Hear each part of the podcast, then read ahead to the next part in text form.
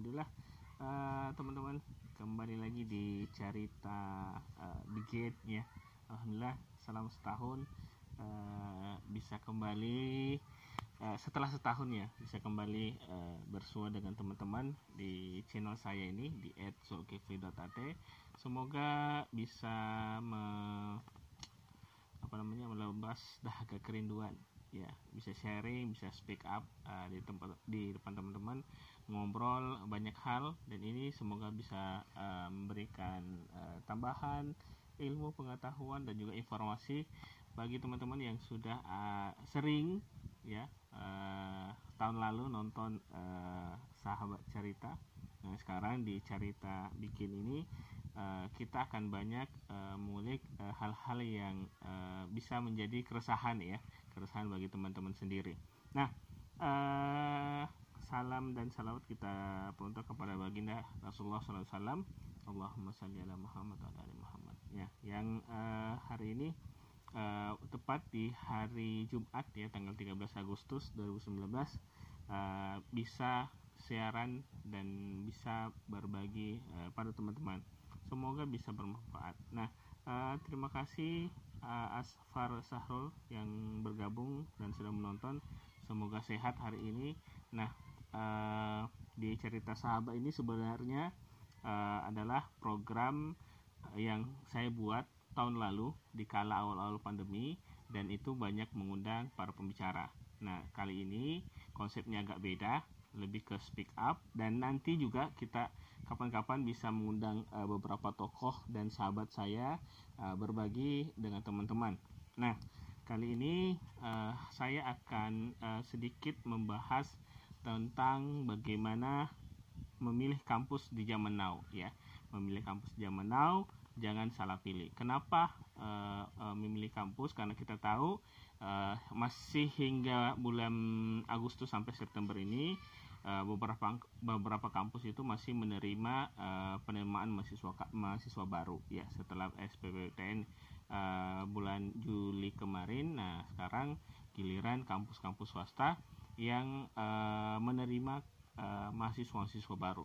Nah, menariknya adalah masih banyak mahasiswa-mahasiswa di luar sana atau siswa-siswa sana di luar sana yang masih bingung memilih kampus mana yang tepat untuk mereka uh, pilih gitu ya jadi masih ada kebimbangan nih kampus mana yang saya uh, pilih gitu ya nah jadi uh, bagi teman-teman yang uh, menonton uh, program saya ini cerita begini ini semoga bisa menginspirasi dan uh, bisa memberikan motivasi bagi teman-teman. Nah uh, terkait uh, memilih kampus ya memilih kampus mungkin barangkali Asfar Sahrul ini masih kuliah kah?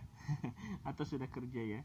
Silahkan uh, di komen teman-teman uh, kalau uh, ada yang mau ditanyakan yuk silahkan terkait tema kita nah pilih kampus ya pilih kampus ini memang uh, memilih kampus ini tidak main-main ya karena terkait milih kampus itu harus betul-betul kita pilih dengan sebaik-baiknya. Kalau saya katakan di caption tadi, memilih kampus itu seperti memilih jodoh.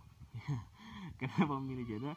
Karena eh, kita yang jalanin ya. Kalau kita tidak, eh, kalau kita salah memilih kampusnya, maka ada empat tahun ke depan, bisa jadi empat tahun. Oh ya, semoga tidak, semoga tidak menjadi mahasiswa mempala ya, mahasiswa paling lama ya tapi dari empat tahun itu itu yang kita akan jalanin nah ini tergantung dari kita lagi ya kita sebagai uh, siswa kita sebagai uh, uh, calon mahasiswa itu apakah benar kampus yang kita milih itu adalah kampus yang kita inginkan. Nah, terima kasih Ancung bergabung. Ya, ini lama sekali nih anak ini.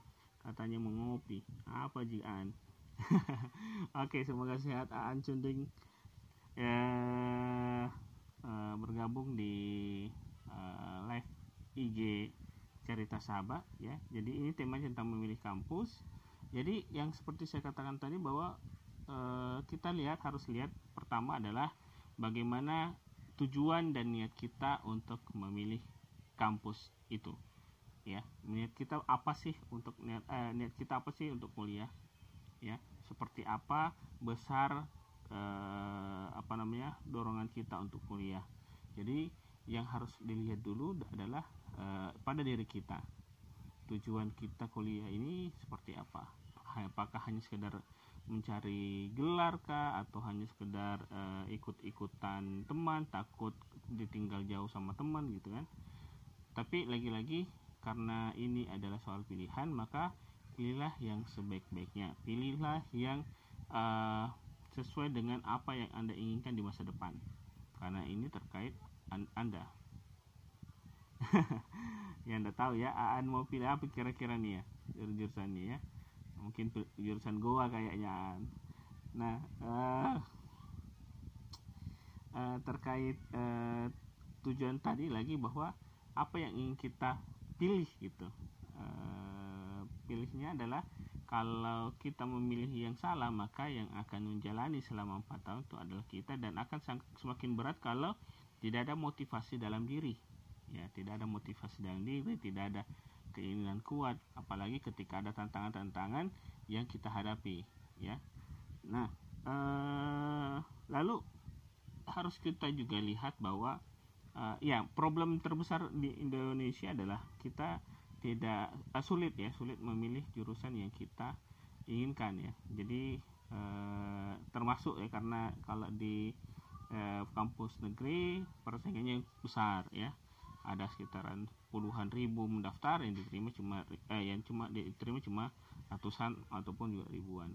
Padahal eh, ada banyak banyak eh, kampus apa namanya jurusan yang di kampus negeri itu kita eh, inginkan. Tapi di kampus swasta ya tantangannya adalah eh, eh, adanya eh, budget yang besar kita harus keluarkan. Dan juga eh, tantangan yang dari kitanya adalah bagaimana kesungguhan kita untuk betul-betul ingin belajar gitu. Nah, Sen Senudin terima kasih sudah bergabung. Lalu yang harus kita lihat perhatikan adalah uh, jurusan program studi apa yang kita gemari. Kira-kira sudah kepikiran nggak sejak awal sejak lulus uh, eh, SMA ya teman-teman mau kuliah jurusan apa? Ya. Jangan sampai salah jurusan ya. Jangan salah jurusan. Nah ini ini tantangannya nih. Karena sebenarnya uh, memilih uh, ap, mau jadi apa kita sebenarnya itu sudah harus selesai di saat-saat uh, sekolah menengah pertama ya. Sebenarnya sudah selesai di situ. Jadi ketika di SMK maaf ketika di SMA SMK itu sudah tahu saya maunya ngapain. Terima kasih Muhammad Rifki sudah bergabung ya uh, di SMK SMA sebenarnya sudah ditahu kita mau uh, uh, di mana gitu ya. Tapi problem lagi bahwa di Indonesia uh, sistem pendidikannya itu sangat sangat uh, uh, tidak bersahabat bagi orang-orang yang punya passion. Jadi hampir 80% di Indonesia itu termasuk saya termasuk saya orang yang salah jurusan ya. Orang salah jurusan. Yang harusnya dia kuliah dengan teknik mesin malah sukanya malah uh, berprofesi sebagai uh, komunikasi ya. Jadi kalau pribadi saya pribadi ya salah pilih jurusan itu. Jadi ini jadi jadi pelajaran bagi teman-teman bahwa pilih setelah sebaik-baiknya apa yang uh, menjadi kunci masa depannya teman-teman. Karena teman-teman yang akan jalani. Terima kasih care care ya sudah bergabung.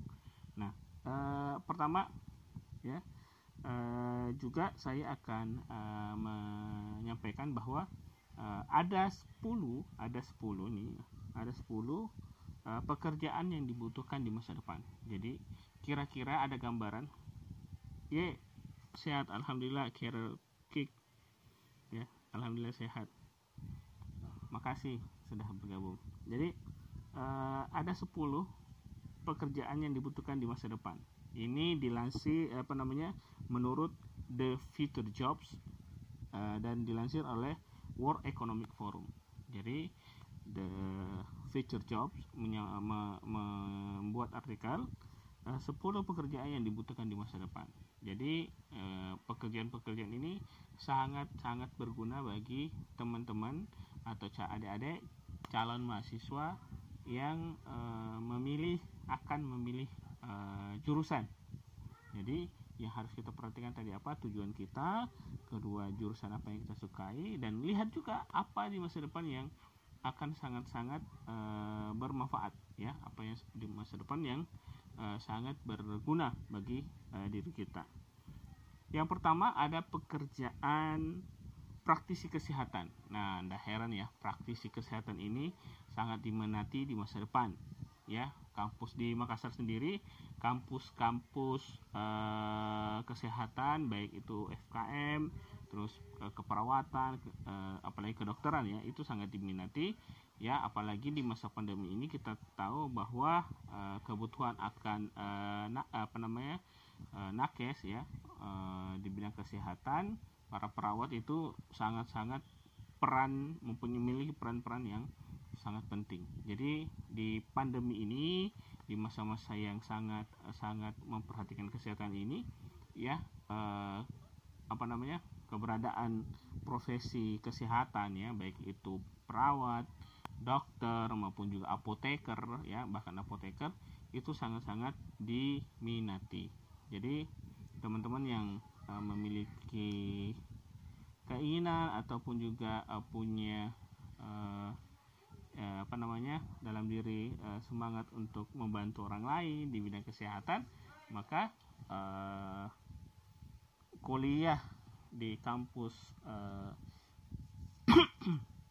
maaf kuliah di kampus eh, kesehatan ya itu sangat rekomendasi bahwa ini adalah merupakan pekerjaan di masa depan yang teman-teman bisa uh, wujudkan ya. Jadi Eh, kalau sudah mulai lihat eh kayaknya saya cocok jadi orang-orang kesehatan nih nakes gitu ya.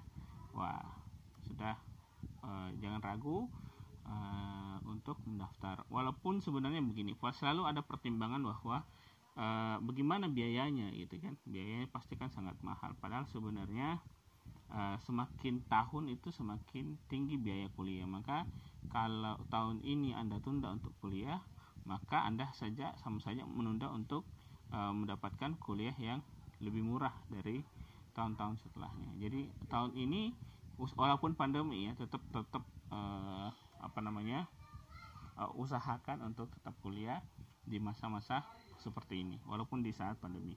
Nah kedua uh, pekerjaan yang dibutuhkan di masa depan menurut the future jobs ya yang dilansir oleh World Economic Forum kedua adalah ah alhamdulillah. Ahli data ya. Ahli data. Nah kenapa kira-kira ahli data? Karena kita tahu bahwa ahli data ini me, apa namanya merekap me, memiliki harus memiliki pengetahuan di bidang IT juga terkait data-data saintis maupun juga data-data uh, big data ya teknologi segala macam. Dan itu sangat-sangat dibutuhkan di perusahaan-perusahaan yang ada di zaman now ya zaman sekarang. Nah jadi ketika teman-teman eh, apalagi pekerjaan-pekerjaan ahli data ini kalau menurut saya ya yang punya pengalaman eh, teman-teman yang eh, yang bekerja di di bidang data itu luar biasa penghasilan bulanannya untuk menjadi pekerja di bidang ahli data. Nah, kedua, eh maaf, ketiga itu pekerjaan 10 pekerjaan yang diberikan masa depan. Ketiga adalah digital marketing. Oh iya, bangga nih, bangga bangga ya digital marketing tentu sangat dibutuhkan. Kita tahu bahwa scale up di sebuah bisnis itu dilihat dari inovasi termasuk bagaimana bisnis-bisnis itu masuk ke ranah uh, digital marketing. Nah ini sungguh sangat uh, apa namanya uh, ironis karena masih kurang uh, para pakar-pakar kita di bidang uh, digital marketing gitu ya dan ilmu digital marketing ini terus uh, upgrade, update dan uh, terus bertumbuh gitu ya. Bukan hanya sekadar dari segi teknologi yang tumbuh tapi juga ilmu digital marketing juga tumbuh. Nah, ini tantangannya adalah kalaupun di perusahaan Anda tidak diterima atau di perusahaan Anda tidak dibutuhkan, tentu orang-orang yang paham dengan uh, digital marketing ini sangat memiliki uh, modal yang cukup ya modal yang cukup untuk apa cukup untuk mereka melakukan bisnis uh, sendiri atau startup maupun juga bos rip jadi uh, ilmu di bidang digital marketing akan sangat-sangat berguna di masa depan. Ya, itu yang juga saya alami seperti sekarang seperti sekarang ini ya. Lalu keempat ya, untuk anak-anak teknik, ya ini juga dua ya. Eh keempat ya, ini keempat saya juga ini anak teknik ya. Anak teknik tentu uh, sangat dibutuhkan karena banyak problem-problem uh, konstruksi maupun juga uh, yang bicara tentang uh, teknologi segala macam masih juga terkait dengan anak-anak uh, teknik gitu, atau uh, keahlian di bidang teknik. Jadi kebutuhan akan uh, peke, apa namanya pekerja di bidang teknik ini sangat-sangat uh, banyak gitu ya. Ya. Jangan jangan sampai kita malah uh, kesaing sama pekerja-pekerja dari luar khususnya negara-negara seperti Cina dan lain-lain sebagainya. Padahal sebenarnya kalau kita mau lihat bahwa ahli-ahli teknik uh, di Indonesia, Sulawesi Selatan maupun juga Makassar sangat banyak, namun perlu tentunya ada ada uh, apa namanya persaingan yang lebih. Maka ketika teman-teman memilih jurusan atau kampus di bidang teknik ini, teman-teman harus punya banyak uh, apa namanya uh, uh, belajar ya banyak belajar banyak uh, bisa memberikan uh, pengalaman yang lebih untuk teman-teman di bidang ini. Dan juga kalau saya menurut saya ya jangan hanya sekedar kuliah saja ya. Kalaupun juga ketika teman-teman sudah memilih kampus uh, kuliah tempat kuliah maka teman-teman juga harus betul-betul uh, uh, membangun koneksi di dalam kampus. Wah ini menarik. Jadi tidak hanya sekedar kuliah tapi juga membangun koneksi yang ada dalam kampus. Oke. Kita pindah ke 5 ya. Nah, selamat datang MMPP uh, luar biasa ya. Uh, terima kasih sudah menonton. Jadi ini tema tentang pilih kampus. Zaman now jangan salah pilih ya jadi kita sudah masuk ke nomor 5 pekerjaan yang dibutuhkan di masa depan menurut the future jobs ya yang dilansir oleh World Economic Forum nah eh, pekerjaan kelima yang dibutuhkan di masa depan adalah CEO SEO SEO ya Search Engine Optimization Specialist atau juga content writers ya.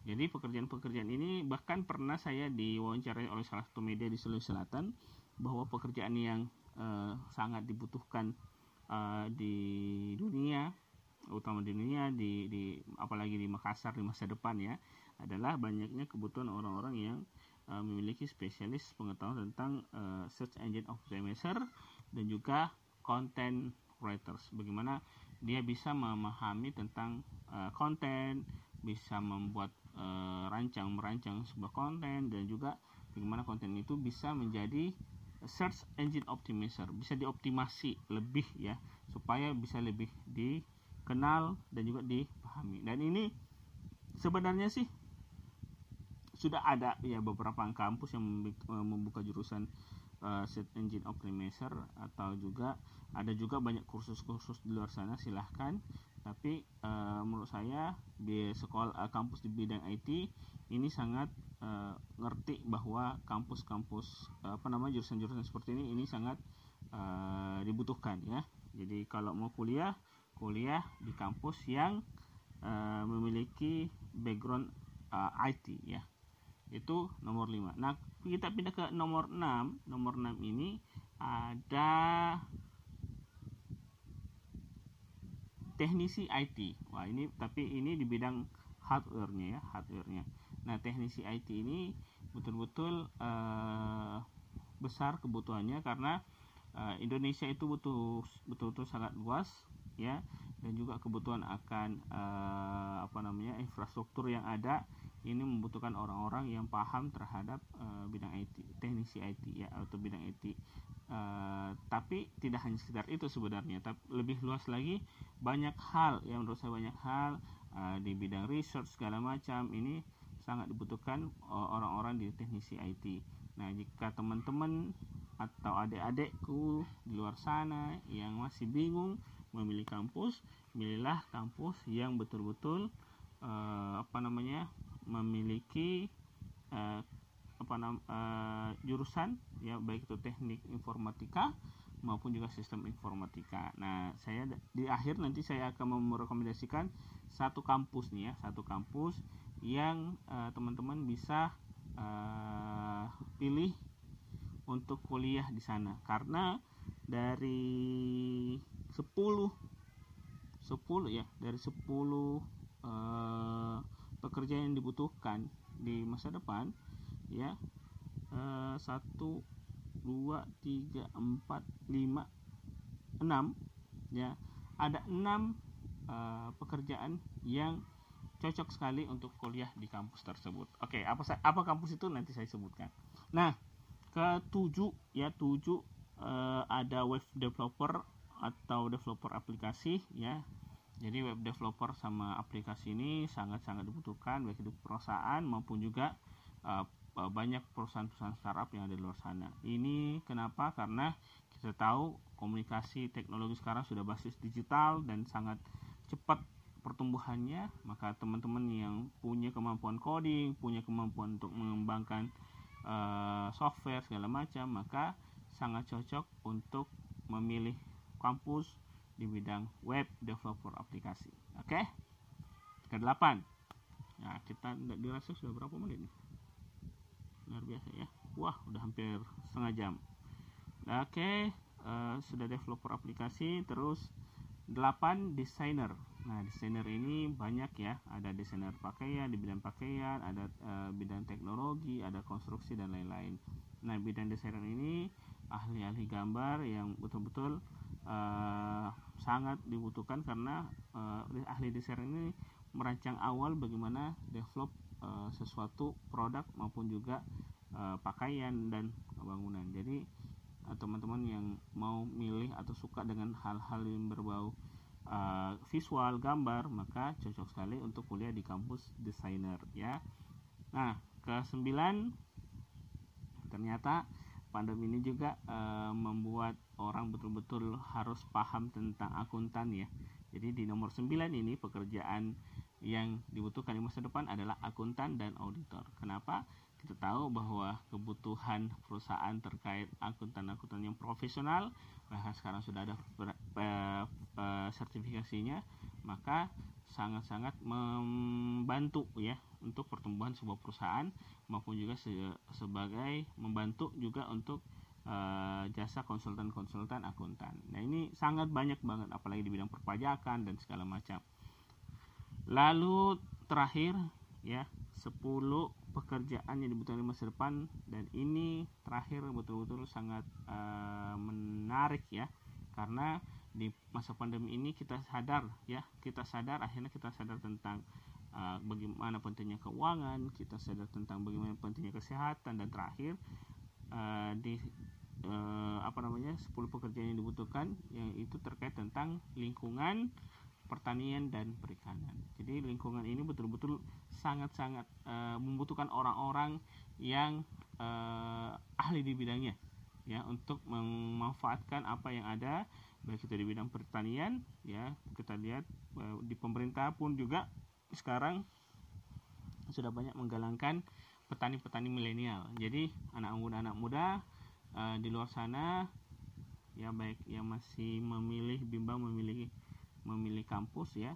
silahkan pilih kampus yang di bidang pertanian karena apa karena di masa depan orang-orang yang menguasai pertanian perikanan ya bahkan environment uh, environmental engineering ya di mana uh, salah satu itu adalah orang-orang yang memahami atau uh, uh, di bidang teknikal uh, teknologi di bidang teknologi lingkungannya itu juga sangat dibutuhkan ya. Jadi uh, siapkan diri anda siapkan diri teman-teman yang main di bidang uh, pertanian untuk uh, bagaimana mempersiapkan dirinya di masa depan. Karena betul-betul di masa pandemi ini kita banyak belajar baik di kesehatan keuangan maupun juga di environment environment ya. Maaf kebelibet bahasa Inggrisnya. Nah uh, itu 10 ya. 10 pekerjaan yang ada di masa depan yang sangat dibutuhkan di masa depan maksud saya menurut the future jobs yang dilansir World Economic Forum. Nah, jadi teman-teman yang uh, masih di luar sana, adik-adikku yang masih di luar sana memilih, yang masih bingung memilih jurusan apa yang cocok dan apa yang bisa menjadi pekerjaan saya di masa depan. Saya sudah memberikan 10 itu. Yang pertama praktisi kesehatan, kedua ahli data, ketiga digital marketing, keempat ahli teknik dan konstruksi, empat CEO spesialis content creator, maaf content waiters, 6 teknis IT, 7 web developer aplikasi, 8 designer, 4 eh 9 akuntansi dan auditor dan 10 ahli lingkungan, pertanian dan perikanan. Nah, terakhir sebelum saya tutup di 30 menit cerita uh, kita hari ini yang kita kembali setelah setahun ya uh, saya mau sampaikan bahwa ada kampus menarik di uh, wilayah Perintis ya teman-teman uh, yang masih meragu atau mau si uh, bimbang untuk memilih kampus ya saya uh, rekomendasikan satu kampus yang dari 10 tadi ada enam yang sangat-sangat uh, apa namanya uh, dibutuhkan di masa depan. Enam tadi itu itu semua ada di kampus Timik Akba Makassar di Jalan Perintis di samping apa ya? Abdi Agung ya? Ya samping Abdi Agung tulis besar banget itu uh, balihonya. Ada baliho besar Stimi Akbar silahkan di Jalan Perintis Kemerdekaan 7 datang ke sana untuk mendaftar langsung uh, untuk memilih jurusan dua jurusan teknik inform, uh, teknik informatik teknik informatika dan sistem informasi. Nah silahkan uh, teman-teman kuliah di sana dan tanyakan, insya Allah bisa sangat uh, recommended lah dari saya. Nah itu saja dari saya untuk pagi hari ini. Semoga saya bisa uh, kembali lagi bertemu dengan teman-teman di cerita weekend ya berikutnya dengan tema-tema yang menarik ya uh, bahkan banyak hal yang akan kita ceritakan terima kasih dari saya mohon maaf jika ada salah kata uh, wabillahi taufiq walhidayah assalamualaikum warahmatullahi wabarakatuh. Tahu